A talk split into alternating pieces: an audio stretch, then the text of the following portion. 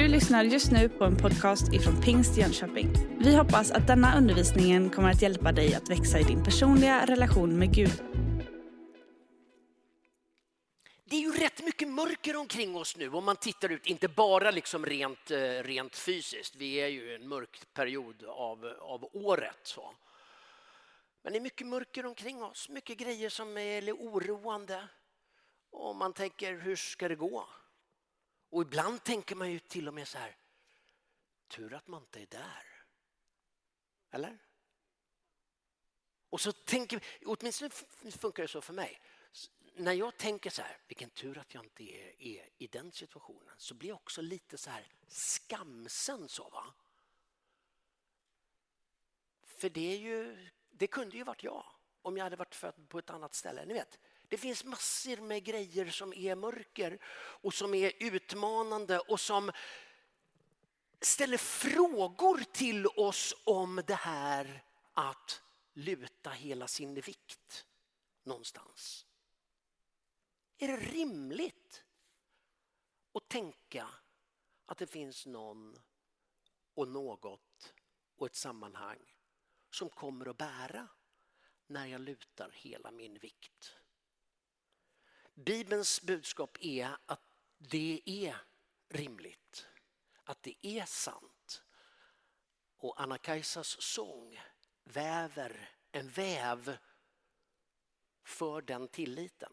Och jag skulle vilja ta er med till en gammaltestamentlig berättelse som säger någonting om detta. Det är ifrån eh, Andra Kungaboken, det sjätte kapitlet och en ganska lång berättelse och jag läser hela. Den handlar om Elisa. Eh, och hur han hanterar mötet med arameerna, arameernas kung och arameernas här. Så här står det. En gång när Arams kung låg i krig med Israel överlade han med sina officerare och angav var de skulle anfalla. Genast skickade då gudsmannen det vill säga Elisa, bud till den israeliske kungen och varnade honom för att ta vägen förbi den ort som arameerna tänkt anfalla. Kungen skickade i sin tur bud till orten som gudsmannen nämnt och varskodde folket där så att de kunde vara på sin vakt. Samma sak hände gång på gång. Detta gjorde aramerkungen bekymrad och han sammankallade sina officerare och frågade, kan ni säga mig vem det är bland oss som står på den israelitiske kungens sida? Ingen, herre kung, svarade en av dem. Men Elisa, profeten i Israel, meddelar sin kung till och med vad du säger i din sängkammare. Då befallde kungen, gå och ta reda på var Elisa finns så jag kan skicka folk för att gripa honom. När kungen fått rapport om att Elisa befann sig i Dotan sände han dit hästar och vagnar och en stor truppskara. De kom på natten och belägrade staden. På morgonen, när gudsmannens tjänare kom ut fick han se att staden var omringad av en truppstyrka med hästar och vagnar. Ack, herre, vad ska vi ta oss till? ropade han. Elisa svarade, var inte rädd. Det är fler på vår sida än på deras. Och han bad, Herre öppna hans ögon så han ser. Då öppnade Herren tjänarens ögon. Han såg att berget var fullt av hästar och vagnar av eld kring Elisa. När, aramer, när arameerna ryckte an bad Elisa till Herren slå detta folk med blindhet och Herren slog dem med blindhet som Elisa hade bett. Det är inte den här vägen och inte den här staden, sa Elisa till dem. Följ mig så ska jag föra er till den man ni söker. Så förde han dem till Samaria. Och när de kom dit bad Elisa, Herre öppna deras ögon så att de ser. Och Herren öppnade deras ögon så att de såg och då upptäckte de att de var inne i Samaria. När den israelitiske kungen såg dem frågade han Elisa, ska jag hugga ner dem fader? Elisa svarade, nej, Det ska du inte. Brukar du ens hugga ner dem du tar till fånga i strid? Sätt fram mat och dryck åt dem så att de får äta och dricka och låt dem sedan gå till sin herre. Kungen ordnade en festmåltid för dem och när de hade ätit och druckit lät han dem gå. Och de återvände till sin herre. Sedan slutade arameernas strövkårer att tränga in på Israels område. En ganska rolig berättelse, skum på många sätt. Är den inte det? Om man tänker så här, hmm, översatt till oss, vad skulle det där betyda? Någon kanske tänker, hmm, rolig berättelse men låter inte särskilt trovärdig. Det har nog aldrig hänt. Så kan man också tänka. Det är en märklig berättelse. Låt oss dra några slutsatser ifrån den här texten. Men innan vi gör det, låt oss bara sätta in den i ett sammanhang. Var befinner vi oss i tiden? Var befinner vi oss i geografin? Var befinner vi oss i texten?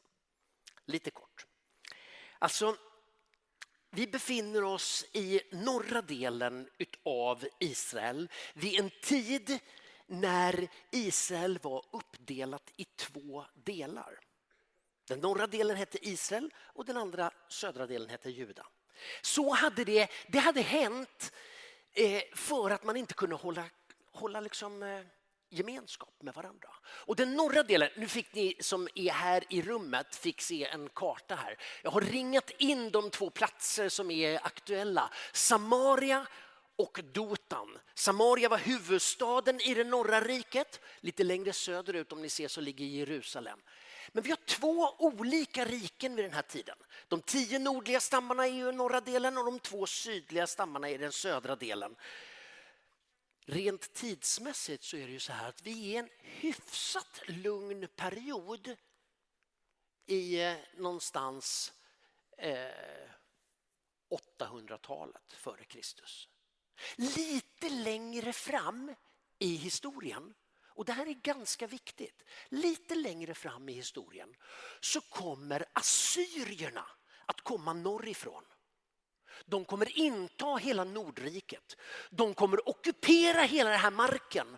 De kommer skingra de tio nordliga stammarna och de kommer aldrig mer att finnas. Ja, de finns ju som människor men som stammar vet vi inte vart de tar vägen. De bara försvinner. De upphör att existera. När folk läser den här texten så vet de ju att det har hänt. Och i berättelsen kommer att hända.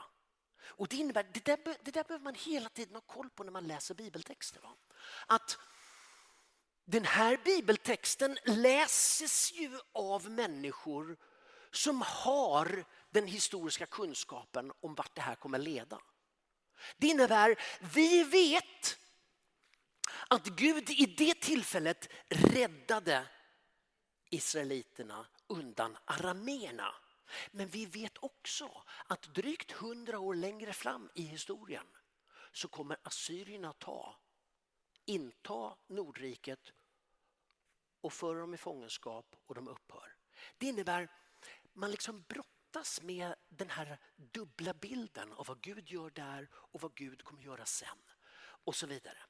Så där är vi i historien. I geografin såg ni på kartan, vi är i norra delen och i texten så befinner vi oss mitt i den här långa svepet utav spännande berättelser om hur Israels och Judas kungar samspelar, krigar, stöter på utmaningar och hur Gud hela tiden talar, tillrättavisar och vägleder genom människor som på ett alldeles särskilt sätt lyssnade till honom.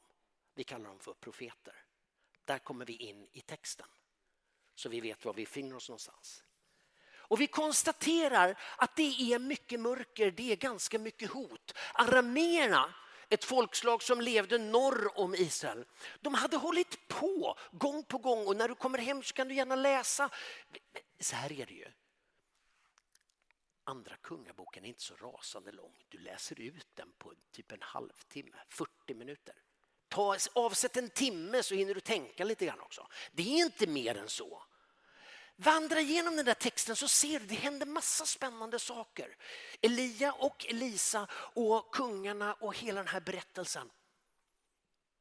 Det är mycket utmaningar man står inför. Det finns mycket mörker, det finns mycket hot. Staden i den här berättelsen var omringad av fiendehärar. Vad ska vi ta oss till? Ack, Herre! Har du känt så någon gång? Vad ska man göra i det här läget? Det är ju nästan hopplöst. De är massvis med folk och vi är bara du och jag. Och det är dig de är ute efter och jag är din tjänare. Jag kommer ju säkert bli... Du fattar, det är ju hur kört som helst. Det finns mycket mörker i världen. Det finns mycket utmaningar. I vår tid också. Du kanske bor i ett tryggt kvarter och i vår stad Jönköping så finns det, ja men det är mycket som fungerar. Men vi behöver inte sträcka blicken så hemskt långt förrän det blir ganska stora utmaningar. Och både du och jag vet att mitt i våra trygga kvarter, mitt i vår välordnade stad så kan man som enskild individ hamna i situationer som känns helt hopplösa. Helt olösbara. Utan ack herre! Vi kommer i sådana situationer gång på gång. Om jag än vandrar i dödsskuggans dal, säger David i en psalm. Gång på gång så hamnar vi där, där vi bara känner hur, som Bibeln uttrycker det, djävulen vandrar omkring som ett rytande lejon och bara... Det är inget roligt. Men en del utav livet. Och det är alldeles uppenbart att Bibeln ger oss inte någon något löfte om att, att det, så att säga, det är, eh, vi är fria från det. Jag, jag tänker ganska ofta på det där med, med Jesus. När han börjar sin liksom, offentliga verksamhet så döps han. Det är ju fantastiskt. Var är de? Eller de har inte kommit ut ännu? Eller var? De, är någonstans. Nej, men det där är ju fantastiskt. Va? Jesus döptes också. Och sen så kommer anden och så leds han av anden. Vart leds han av anden? Till nästa konferens och härliga erfarenhet? Nej, han leds av anden ut i öknen utan mat i 40 dagar för att frestas. inte det ganska märkligt? Alltså det finns ingen garanti i det kristna livet att allting kommer att vara glass och tårta. Men det finns en mycket, mycket tydlig garanti att mitt i den brinnande ugnen så står Gud där. Mitt i dödsskuggans dal står Gud där. Mitt i den omringade och belägrade staden så är de som är med oss fler än de som är mot oss. Den garantin har vi. Den tilliten kan vi sjunga om. Den stolen kan vi luta oss mot. Eller vad var det? Lägga vikten på. Det är viktigt att man lägger vikten på rätt ställe. Om vi börjar lägga vikten på att allting kommer alltid att gå superbra då är det inte en hållbar stol, för det löftet har vi aldrig fått. Men vi kan med trygghet lägga vikten på den stol som säger jag är med dig alla dagar till tidens slut. Det bibeltexten har vi också läst här idag.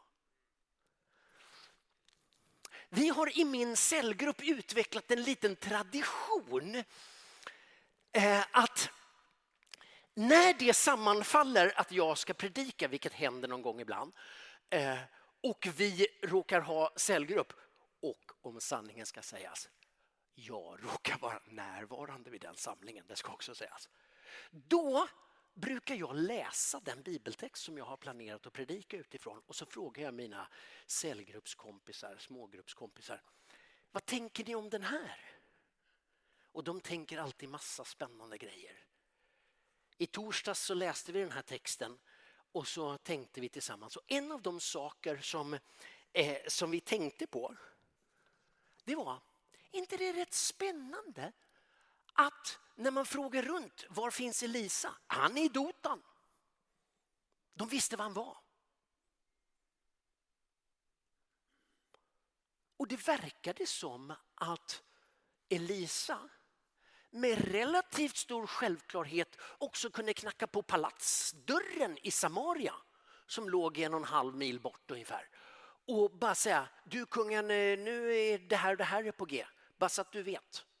Alltså, det vi konstaterade i vår smågrupp är att gå med Gud handlar också om att i någon mening vara känd. Och nu pratar jag inte om liksom eh, nutida medialt kändisskap. Starta ett Instakonto eller TikTok. Eller, du, ni, tror att, ni tror det skulle funka? Du, jag kan säga, min fru, en av de saker hon har sagt till mig, du dansar inte offentligt. Det är... Äh, nej, men det är inte det vi pratar om. Men att vara känd utav världen.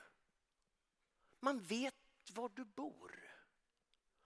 Och man vet vem man ska vända sig till. Men det innebär också att motståndarna vet var de ska sätta in attacken. Det är Dotan de går till och omringar, inte liksom Megiddo eller Teldan eller någon av de andra hålorna runt om i, i, i liksom norra riket. Utan det är den här lilla orten Dotan. Varför det? Därför att det är där han bor.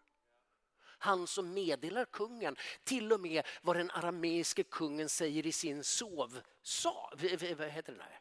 Sovrum. Sovsal. Va? Det är ju på läger man är på sådana grejer, men dit ska vi också. Ja. Nu känner ni att vi är på väg att spåra ur, så tillbaka. Nej, men det jag kan fundera över det är vad är du känd för? Vad är jag känd för? När mörkret anfaller och när vi är omringade, inte bara jag, utan min granne, min jobbarkompis, min polare, min barndomsvän och så vidare. Är du och jag kända för att vara de personer som man kan vända sig till?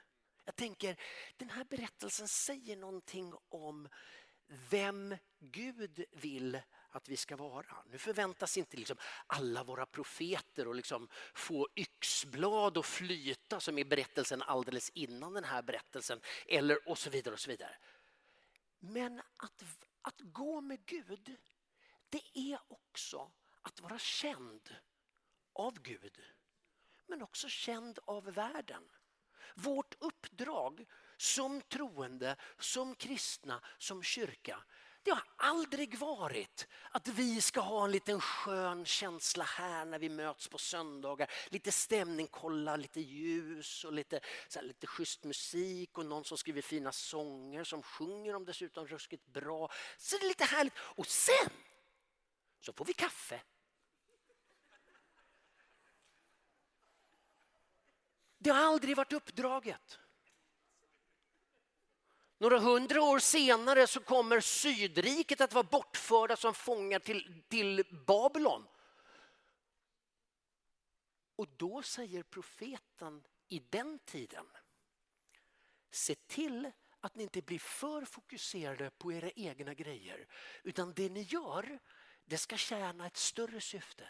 Det ska tjäna den stad där ni bor, det samhälle. Var med och sprid det goda till det som finns runt omkring er. Var inte så fokuserade på att rädda ert eget skinn och bygga er egen gemenskap. Det ska vi också göra. Vi ska självklart bygga en god gemenskap. Men vårt uppdrag är att vara Guds redskap, sändebud och röst i världen. Så att när hotet kommer utifrån så kan vi säga, hörni, så här tänker Gud. Alltså att ha den här blicken lite högre ställd. Så att där du finns, där är du Guds närvaro. Där du talar, där får du vara Guds röst. Där jag lever, där får jag vara det Gud vill säga, göra och vara i den gemenskapen. Så var det för Elisa och så har det varit för Guds folket genom alla tider att vara känd. Nu då. Ack Herre, vad ska vi ta oss till? Alltså budskapet, det första, Elisa säger några saker. Han säger ett, var inte rädd.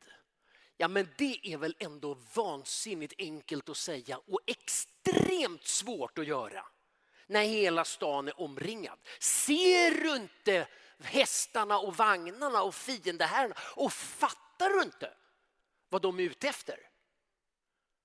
Jo, jag fattar precis vad de är ute efter. Jag ser precis vad som händer. Men jag ser också någonting mer och därför, var inte rädd. Känn ingen oro. Tro på Gud och tro på mig, det säger Jesus i Johannes evangeliet 14. Alltså, återigen, det finns ingen garanti att vi inte blir omringade av fiendehärar, men känn ingen oro. Var inte rädd. Och sen säger, eh, sen säger eh, profeten, öppna hans ögon så att han ser. Alltså, att inte vara så koncentrerade på det första vi ser. Utan träna vår blick. Att med hjälp av den här typen av sammanvävda texter i sånger och i vår teologiska förståelse bygga en grund för hur vi tolkar världen. Vi är så extremt påverkade av den tid vi lever i och hur vi liksom förstår tillvaron. Vi förstår den som västerländska välbärgade, och då tänker du så här, jag är väl inte välbärgad. I global jämförelse är vi alla extremt välbärgade i det här rummet. Är det någon som vill in eller? Ja.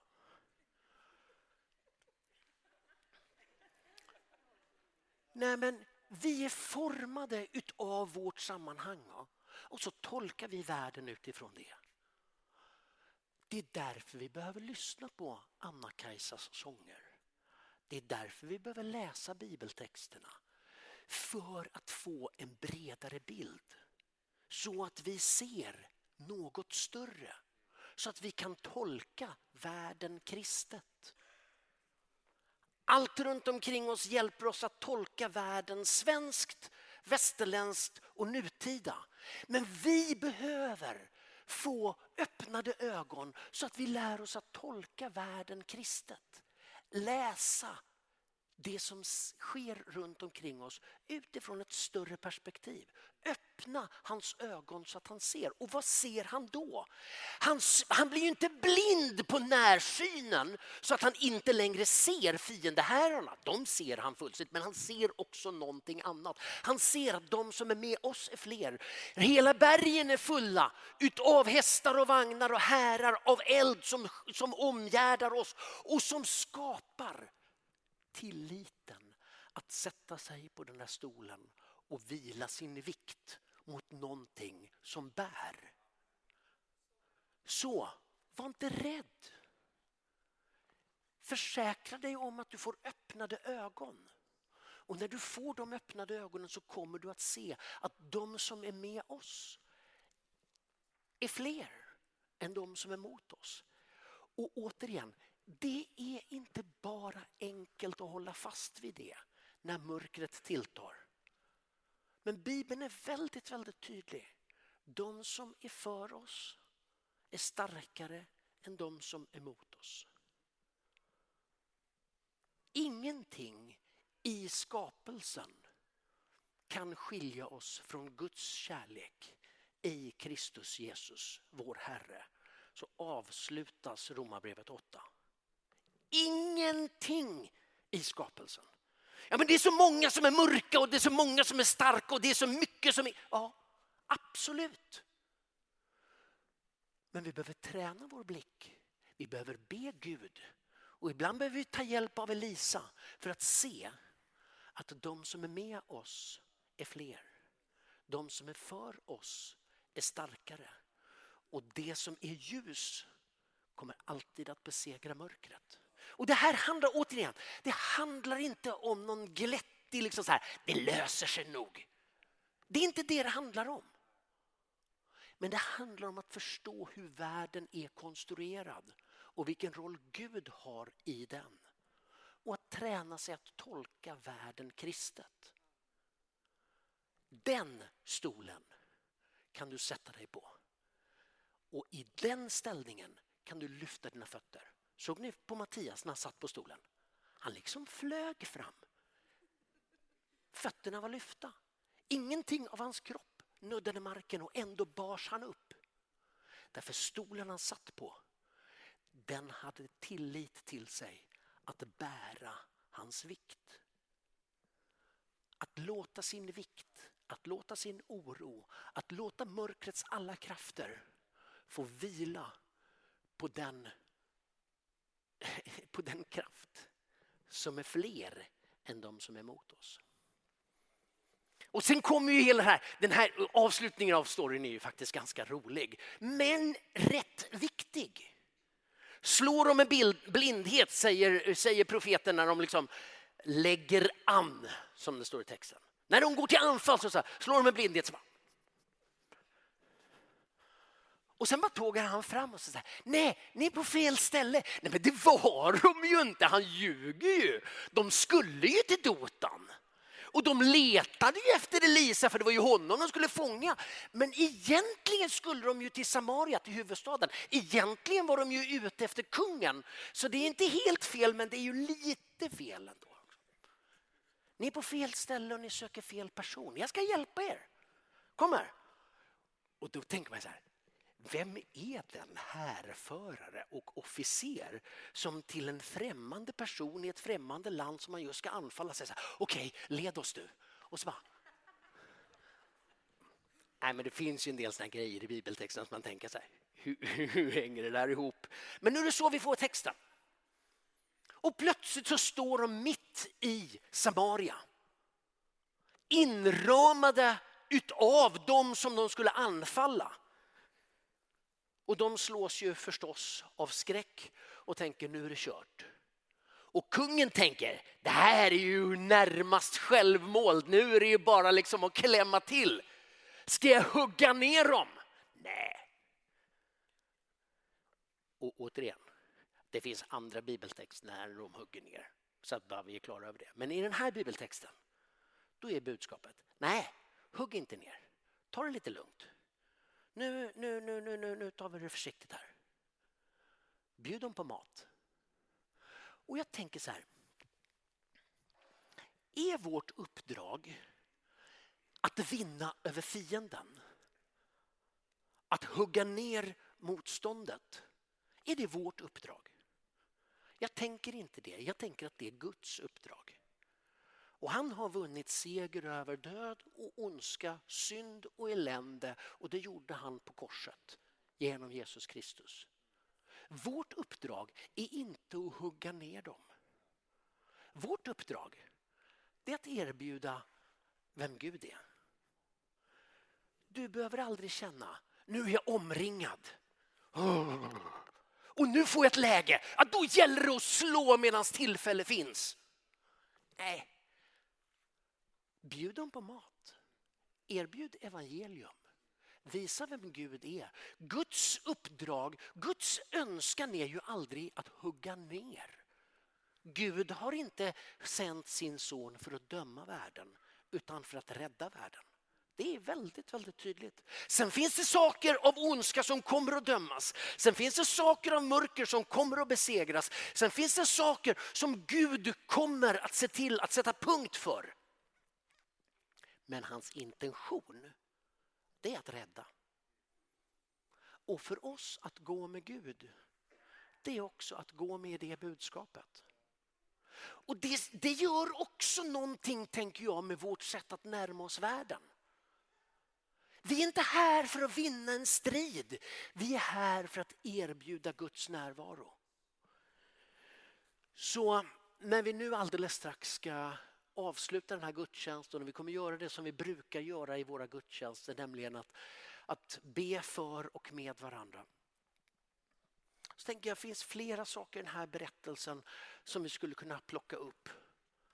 Och jag vet ju inte vad i den här texten som du har fastnat för. Jag vet ju inte vad Guds ande har talat till dig om.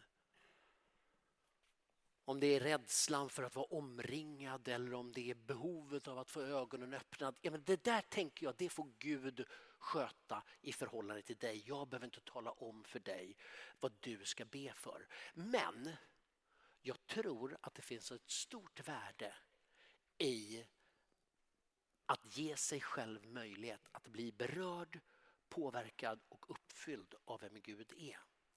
För Gud, han kommer alltid stå på din sida. Oavsett omständigheter så står Gud alltid på din sida. Gud kommer alltid att komma till dig och säga, var inte rädd. Gud kommer alltid vilja att du liksom kisar lite grann mot den verklighet som är hans verklighet mitt i den situation du står i. Och Gud kommer alltid locka dig att dela det goda som du har fått av honom. Ska vi be tillsammans? Herre, vi kommer inför dig med allt det vi är. I en mörk tid och i massa utmaningar så ber vi dig Herre att få vila i den trygghet som bara du kan ge. Att få veta att du bär upp allt genom kraften av ditt ord. Och därför har du också makt och intention att bära oss mitt i allt. Jag ber dig att vi ska få mod att identifiera de härar som omringar oss. Men att vi ska få nåd att se att du som är på vår sida alltid är större, starkare och mer kärleksfull. Jag ber dig för oss alla att vi ska få vila i den tilliten som är din nåd. Här, nu och för alltid. Amen. Du har just lyssnat på en podcast ifrån Pingst Jönköping.